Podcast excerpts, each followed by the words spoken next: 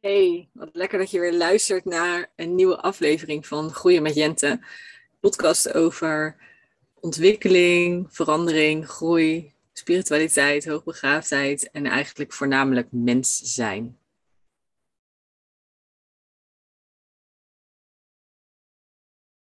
Hey, ik wil het vandaag met je hebben over keuzes maken. En keuzes maken start in mijn ogen met het stellen van de juiste vraag. En heel vaak wordt bijvoorbeeld gevraagd: wat wil je? Dat is zo'n gigantisch ruime vraag dat het heel moeilijk is om daar een antwoord op te formuleren. Voornamelijk omdat 70% van de bevolking helemaal geen antwoord kan formuleren op die vraag, omdat zij veel beter kunnen dealen met gesloten vragen. En ehm, wij hebben geleerd, tenminste ik heb geleerd, en ik denk dat jij dit ook hebt geleerd, dat je geen gesloten vragen mag stellen. Maar waarom eigenlijk niet? In mijn gevoel is het omdat we dan geneigd zijn om misschien de ander een antwoord in de mond te leggen. Of misschien omdat je je eigen verlangens niet op de ander mag projecteren. Of zou het misschien zijn dat de ander is opgevoed of geboren met de neiging om erbij te horen of de wens om erbij te willen horen en dan een sociaal wenselijk antwoord te geven? Of ligt het dan aan het stellen van de vraag dat die vaak op een suggestieve manier wordt gesteld of dat er eigenlijk een goed antwoord is terwijl je doet alsof het oké is dat de ander elk antwoord geeft? Dus waar ligt het nou eigenlijk aan dat een vraag niet gesloten gesteld mag worden. Dus dat we gedrild worden om open vragen te stellen. En dus vooral omdat zoveel mensen dat eigenlijk helemaal niet prettig vinden. Um, wat voor mij en voor de 70% van de bevolking, en dat heeft te maken met human design, dat als je een uh, volgens mij het sacrale centrum, als die gedefinieerd is, dan is het voor jou fijn om gesloten vragen te hebben. Of een of-of vraag. Dus een ja of nee vraag of een um, dit of dat vraag. Dat is volgens mij wel voor gevorderde ja-nee, is echt de, de simpele variant, zeg maar. Um, dat werkt gewoon heel goed, omdat het heel simpel is. En omdat je dus kunt voelen, dat is misschien wel eventjes een kwestie van een beetje trainen, maar omdat je kunt voelen wat het antwoord is voor jou. Ehm, ik, ik, ben, ik heb daar best wel even mee moeten oefenen. En ik heb in het begin ehm, was het heel fijn als iemand anders mij de vraag stelde. Inmiddels kan ik nu zelf de vraag aan mezelf stellen. En wat ook daartussendoor heeft geholpen, is dat ik uh, vragen voor mezelf insprak. uh, in een uh, voice memo of, of via WhatsApp bijvoorbeeld naar mezelf.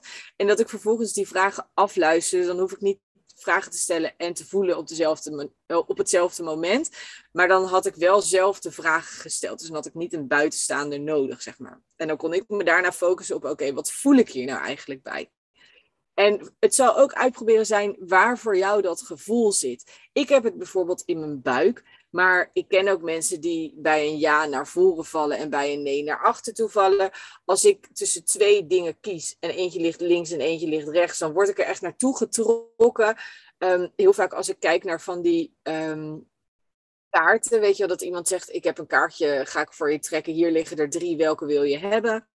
Uh, dan voel ik het met mijn ogen. Dan kijk ik dus bijvoorbeeld naar het meest linkerkaartje en dan zijn mijn ogen rustig. Dan kijk ik naar de middelste en dan word ik echt weer dan worden mijn ogen weer naar die linker getrokken. Als jij nu uh, zit te kijken en je ziet het in spiegelbeeld, sorry, is vast heel onduidelijk, maar dan worden mijn ogen naar het linker kaartje getrokken. En dan check ik het altijd nog even door de meest rechter te bekijken. Nou, dan voel ik het nog steeds en dan kijk ik weer naar de linker en dan zijn mijn ogen weer rustig. Dus je mag even voor jezelf testen, hey, welke, op welke manier voel ik welke keuze ik mag maken. En dat kun je met hele basic dingen oefenen. Dat kun je met kinderen dus ook met hele basic dingen oefenen. Wil je pindakaas? Ja of nee? Wil ik een ijsje? Ja of nee? Daar heb je meestal wel een gevoel bij. En dan mag het dus zo zijn dat uh, je hoofd kan daar van alles van vinden. En dat is ook oké. Dat mag er ook zijn. Maar probeer te ervaren het verschil tussen je lijf en je hoofd. Um, en misschien, er zijn ook mensen die ik ken, die voelen het bijvoorbeeld in hun handen. Die voelen dus op het moment uh, dat ze een, uh, een, een ja voelen, dan voelen ze hun handen tintelen. En als het een nee is, dan gaat eigenlijk de energie uit hun handen. Dus er zijn heel veel manieren om het te voelen en te ervaren. En, en experimenteer daarmee wat voor jou het beste werkt. Wat ook heel interessant is, is dat als het geen ja is, is het een nee. Dus ik voel ook heel vaak zo'n twijfel van, nou, ik weet het niet precies, dan is het dus een nee. en um, dat helpt mij eigenlijk heel erg om duidelijke keuzes te maken. Het maken van een keuze en het communiceren van de keuze, dat is ook nog wel een verschil tussen, um, oké, ik, ik kan voelen wat ik voel, maar om dat dan ook nog naar andere mensen naar buiten toe te brengen, zeg maar, dat, dat kan ook nog weer een stapje zijn waar je mee mag oefenen. Dus het is in mijn ogen heel belangrijk om eerst zelf te voelen, wat voel ik, wat wil ik. En um, dan kun je vervolgens de beslissing nemen om dat gevoel op dat moment niet te eren. Dus als je een nee voelt, ik moet dit niet doen, dat je het toch doet omdat de buitenwereld daar iets van vindt. Of dat jij bang bent dat de buitenwereld er iets van vindt. En dat is ook oké, weet je. Dat is een soort overgangsperiode. En dan mag je dus met dat gevoel even communiceren van... hé, hey, ik voel uh, de wens of ik voel wat, je, wat ik wil. En ik kies ervoor om nu even een andere keuze te maken. Maar op het moment dat je dus doet alsof dat gevoel er niet is en je gaat dus die keuze maken die je gaat maken, uh, ja, dat werkt in mijn ogen niet. Ik vind het dus wel belangrijk om, om dan dus met dat gevoel wat ik voel, oké, ik voel een nee, ik ga het toch doen, maar ik ben heel bewust van het feit dat ik de nee gevoeld heb. Voel je het verschil dat je dan in ieder geval daarbij stilstaat en dat je in ieder geval uh, dat gevoel aan het eren bent. Of je het nou doet of niet, dat maakt eigenlijk, ja, dat maakt wel uit, maar in de overgangsperiode is alles oké. En um, wat ik dus zei van, oké, als ik dus um, als je geen ja voelt, is het een nee. En ook die twijfel mag je dus voelen als een nee. Dat is helemaal oké. want op het moment dat jij dat het wel voor jou bedoeld is, dat het wel bij jou past, dat het wel jouw ding is, dat je het echt wil, dan voel je echt wel de ja. En dan voel je, hé, hey, hier ga ik voor. En soms betekent dat dat, het, dat je een tijdje geen ja voelt. En soms betekent het dat je de vraag anders mag stellen. Of dat een ander de vraag anders mag stellen. Het kan namelijk zo zijn dat. Um, ik bijvoorbeeld, ik heb het ook veel met kinderen gedaan, dat ik aan een kind vroeg: Oké, wil je naar buiten? Nee. Wil je uh, fietsen? Nee. Wil je uh, of dan begon ik niet meer naar buiten. Maar wil je fietsen? Wil je wandelen? Wil je lopen? Wil je rennen? Was het allemaal nee. En dan dacht ik, oh ja, ik stel een verkeerde vraag. Wil je naar buiten? Nee. Ah, oké, dus dan moeten we een andere categorie vinden. Oké, we gaan binnen iets doen. En soms kan het ook zo zijn dat mensen toch een onduidelijke vraag aan je stellen. En dan mag je dus vragen om verduidelijking. Kun je die vraag concreter stellen? Als iemand vraagt hoe is het met je? En, en ja, ik ga daar altijd, ik loop daar helemaal op vast.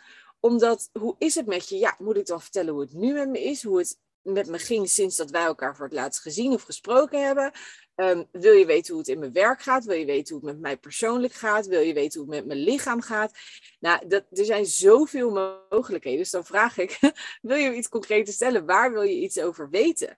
En voor sommige mensen is het, ja, met jou is al een heel concreet iets. Voor mij is het niet concreet genoeg. Dus ik vraag om verduidelijking. En dat is wat ik bedoel. Keuzes maken gaat om de juiste vraag stellen. Want dit gaat dan om hoe het met me gaat. Maar het gaat ook om, wat wil ik doen? Als je aan mij vraagt, wat wil je doen? Ja, ten eerste wanneer. Ten tweede met wie. Ten derde, wat voor weer is het? Ten vierde, kan het binnen, buiten zijn? Wanneer wil ik dit doen? Er zijn zoveel mogelijkheden. Dus stel mij maar de vraag: gaan we nu een ijsje halen? Heb je zin om nu een ijsje te gaan halen? Nee, daar heb ik geen zin in. Oké, nou dan kunnen we weer een volgende vraag stellen. Ja? Dus maak hem lekker concreet. En um, ja, verduidelijk dat ook naar de buitenwereld toe. En wat ik dus ook vaak doe naar de buitenwereld, want het is best wel een stap om dan aan te geven, nee, ik wil dit niet, maar ik weet eigenlijk niet zo goed waarom. je, mag het, je mag zeggen, ik voel dat ik dit niet wil. En de rationele wereld, wat best wel een grote wereld is, die, die um, wiebelt daar nog even van. Maar ik merk ook dat er verandering in komt. Dat er steeds meer mensen dit ook terug gaan doen. Dus ik draag dit uit en steeds meer mensen hoor ik het ook doen om mij heen. En dat is zo heerlijk, want het gevoel mag er zijn. Maar wij hebben het een soort van afgeleerd. We hebben er laagjes overheen gelegd. We hebben ons hoofd, en dat hebben we niet voor niks. Hè? Het is niet zo dat je vanaf nu je hoofd altijd moet negeren. Nee, dat mag erbij. Maar we hebben dat gevoel zo lang genegeerd en dat gevoel zo lang onderdrukt. Dus die mag je echt heel bewust mag je dat weer gaan voelen. Mag je dat ook naar anderen toe communiceren.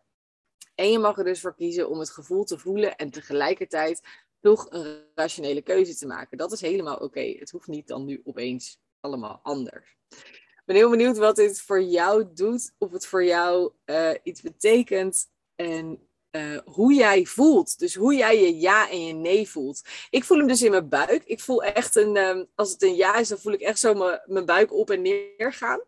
En als het een nee is, dan voel ik hem echt heen en weer gaan. En um, uh, soms is het heel klein. En soms is het echt heel duidelijk dat me, bijna mijn hele lijf aan het meewiebelen uh, is op die ja of die nee. En dat, uh, ja, dat is gewoon echt zo leuk om te, om te ervaren. Maar het is dus wel een kwestie van oefenen. Het is niet zo dat in één keer vloep. En misschien is dat wel zo trouwens. Misschien werkt het voor jou wel op die manier. Twijfel daar dan ook niet aan. Want ik deel met jou mijn manier hoe ik het voel en hoe ik weet dat andere mensen het voelen. Um, maar misschien is het voor jou wel anders en ook dat is oké. Maar ik ben heel benieuwd. En uh, als je wilt, deel het dan met me. Want dat vind ik echt super leuk om te weten. En dan, heb ik ook nog meer ervaringen om weer met andere mensen te delen.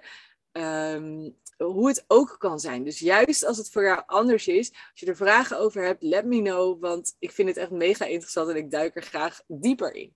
Fijne dag!